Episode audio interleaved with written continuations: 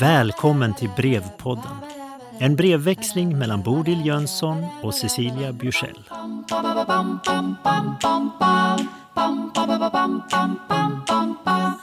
Cecilia, brev 15.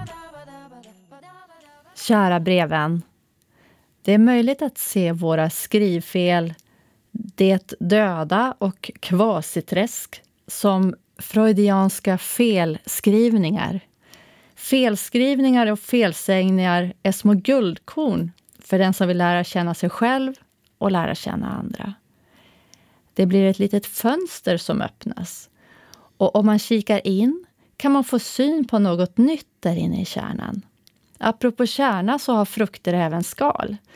Det fick mig att tänka på en situation för länge sedan då en person från södra Sverige var på besök i Västerbotten och förvånat konstaterade att det var som om människor i norra Sverige inte hade något skal. Kärnan var blottad och det man mötte var själva personen. Men eftersom jag vet att det finns roller, normer och ritualer även i Västerbotten vill jag prata mer om det här. I min avhandling använde jag kulturbegreppet och då funderade jag även över mitt eget kulturella ursprung. Min kulturella disjuncture kom efter gymnasiet då jag åkte till Kalifornien som au pair. Kalifornien var inte extremt annorlunda, men som ung fastnade jag för små skillnader och upplevde dem som stora. Det kunde handla om hur dörrhandtag var utformade och hur man hälsade på varann. Kanske blev jag extra påverkad eftersom jag bodde i en amerikansk familj och fick delta i deras vardag. När jag kom tillbaka till Sverige flyttade jag till andra sidan av landet, till Skåne. Mitt intryck från att ha bott på olika ställen i Sverige är att vi har regionala kulturer i olika geografiska områden. Vi delar vissa kulturella element, till exempel språk, midsommar, lagar och offentliga system.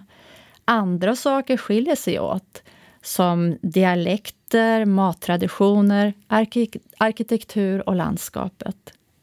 Men kulturer förändras. För som du säger så handlar ett livslångt lärande inte om att bli färdig, utan om hur vi fortsätter att formas under hela livet. Det här får mig att tänka på slow cooking. Eh, det här att ta tid på sig i matlagningen. Att formas i ett lärande är en sorts mental slow cooking där grytan får puttra och ingredienserna jobbar ihop sig till ny nya smaker. Våran brevväxling startar associationsflöden och nya tankar. Och du hade en både snäll och trolig tolkning att dina associationer handlar om ett stort mått av kreativitet. Apropå det såg jag häromkvällen K-specials dokumentär om Paul Auster. För det första, jag älskar K-special. Vilken lyx att ha statligt finansierad bra kultur tillgänglig hemma. För det andra, Paul Auster sa att allt hänger ihop och så arbetar ofta konstnärer. Det ena leder till det andra. Då tänkte jag på dig och på vår brevväxling och hur det ena leder till det andra. Vi kanske inte är konstnärer, men ett visst mått av kreativitet har vi ändå.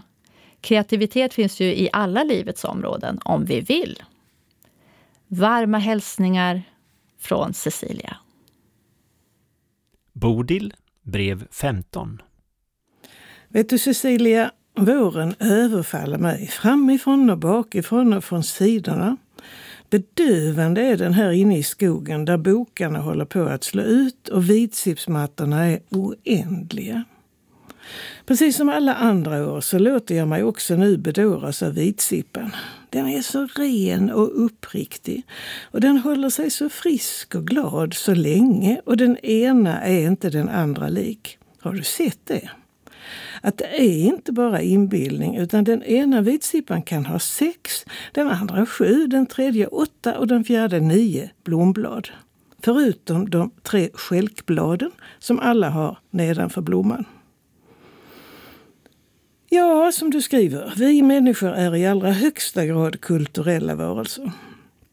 Det är faktiskt rakt upp och ner dumt att vi blir så överraskade av att det inte är likadant borta som hemma. Dumt tycker jag också det är att så många intellekt abstraherar bort det kulturella och försöker hävda att var och en av oss kan knyta an till vem som helst, oberoende av kultur, bara vi gör oss av med våra fördomar. Men det är faktiskt ingen fördom att erkänna att en människa är både en biologisk och en kulturell varelse. Det är rakt upp och ner en grav reduktion att resonera kring människan och medmänniskan som om de vore enbart biologiska. Men sen är ju också det rent biologiska, det är förundrande. Jag läser för närvarande genetikerns Paul Nörs bok Vad är liv? En fantastisk ögonöppnare. Han fick Nobelpriset 2001, men jag tror inte att det är någon slump att han sen skrev den här helhetsboken först två decennier senare. Gerotranscendensen visar sig inte bara i hur man upplever sig själv och det egna livet som äldre, utan också hur man förändrar sina tankemönster i hur man ser på livet och vad som är värt att fördjupa sig i. Hans bok är spikklar. Övergripande, men med äkta nyckelexempel. Det är fascinerande. Paul Auster-dokumentären, jo, jag har sett den nu. Den är mycket bra. Den fick mig också att fundera över om en skrivande människa kanske kliver snabbare mot transcendensen just utifrån allt sitt skrivande. Man måste ju vrida och vända på saker och ting. Provprata och inte minst provskriva i all oändlighet. Det vore konstigt om inte det påskyndade transcendensutvecklingen.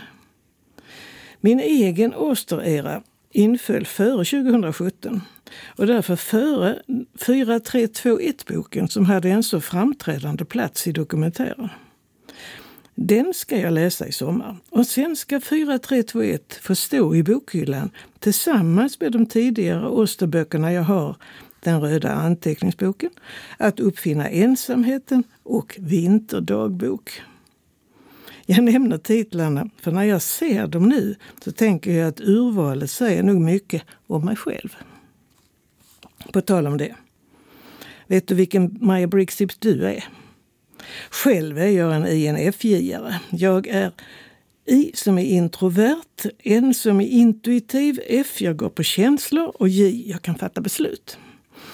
Det roliga med den här sortens förenklande och dominerande karaktäristika, jag är till exempel inte bara F som är känslomässig, jag är till exempel inte bara F som i känslomänniska utan jag har också starka inslag av T som i tänkare. Men det dominerande är att de fyra bokstäverna tillsammans kan få en att tänka speciella tankar om just kombinationen. Till exempel har jag tänkt att det är tur att jag har ett utåtagerande J inuti mig.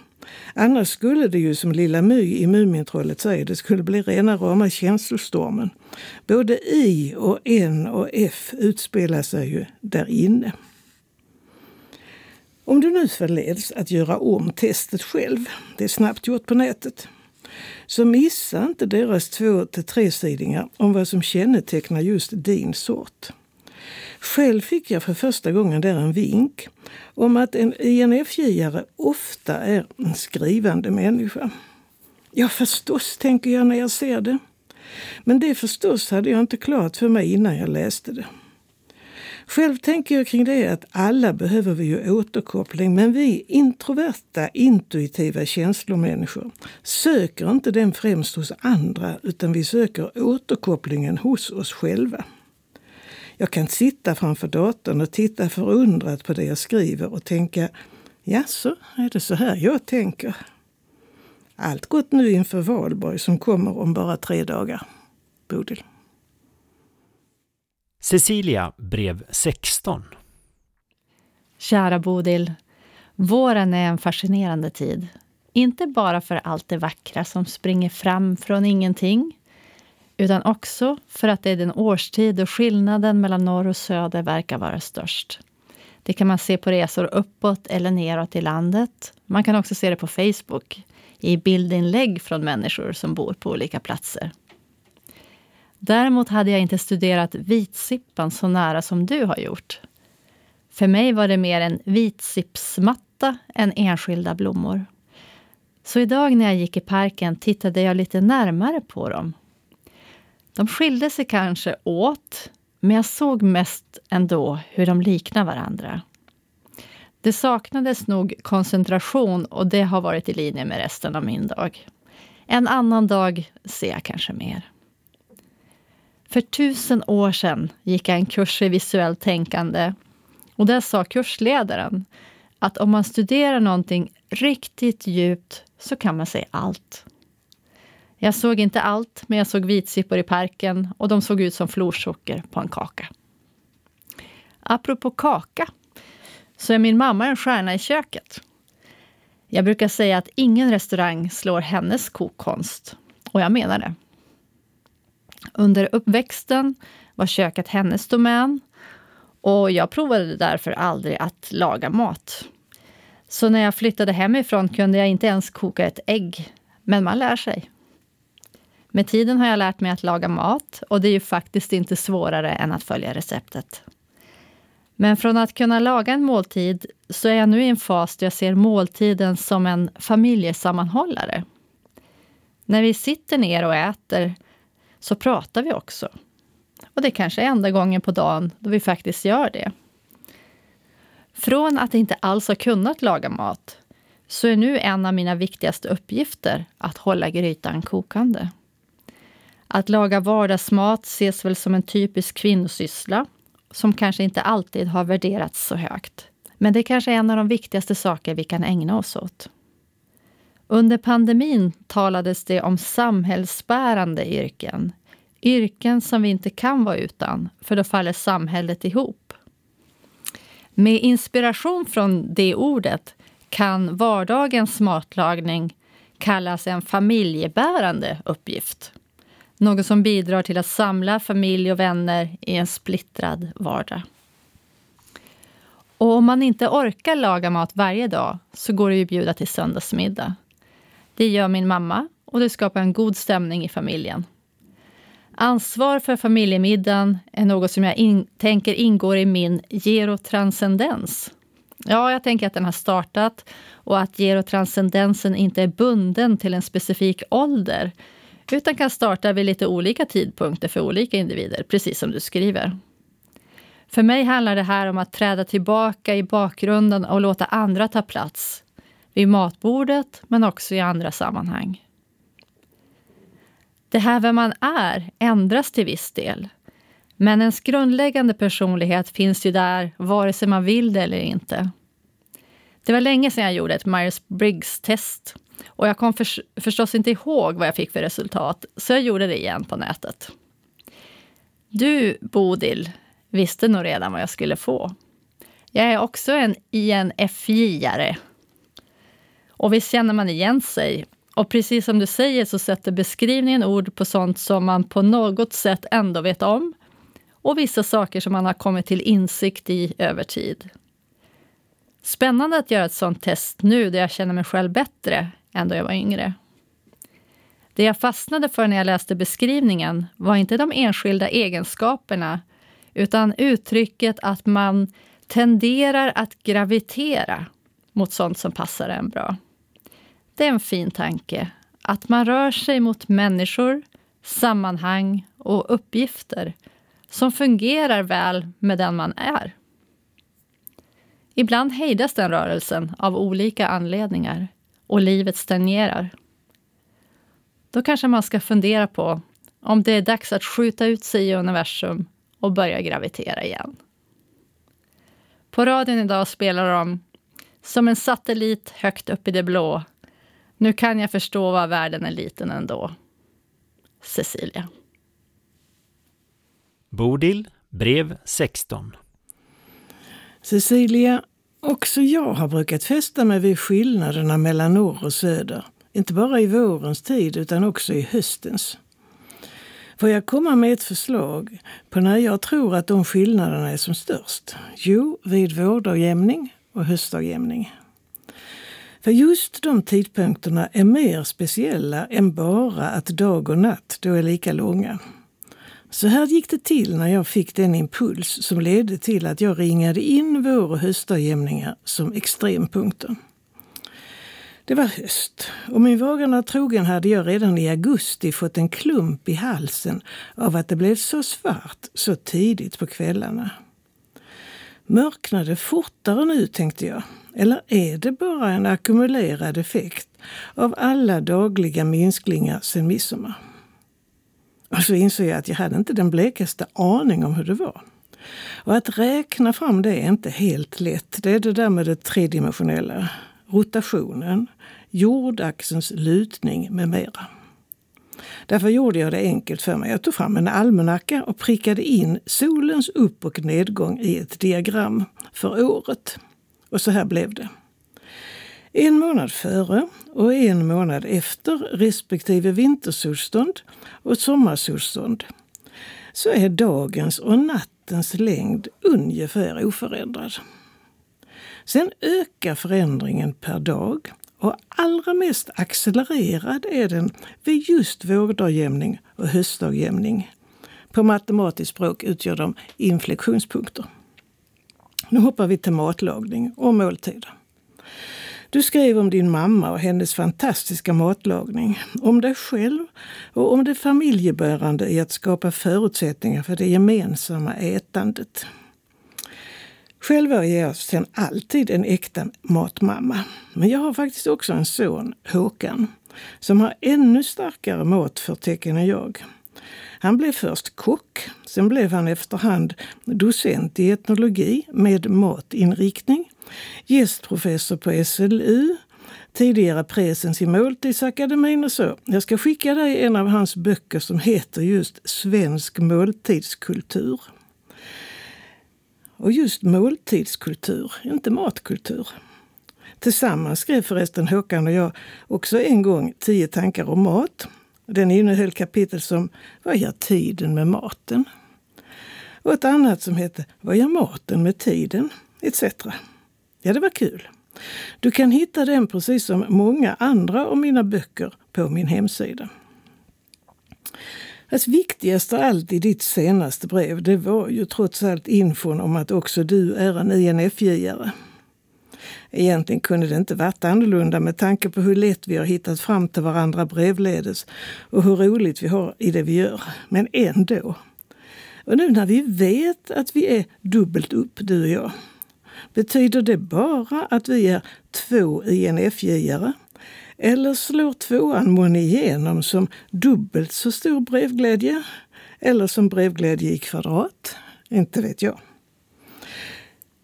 Så skulle jag vilja sluta här med lite om konserverad tid. Det finns faktiskt en sån. Inte sparad, men just konserverad. Bara tänk på hur du har det där hemma.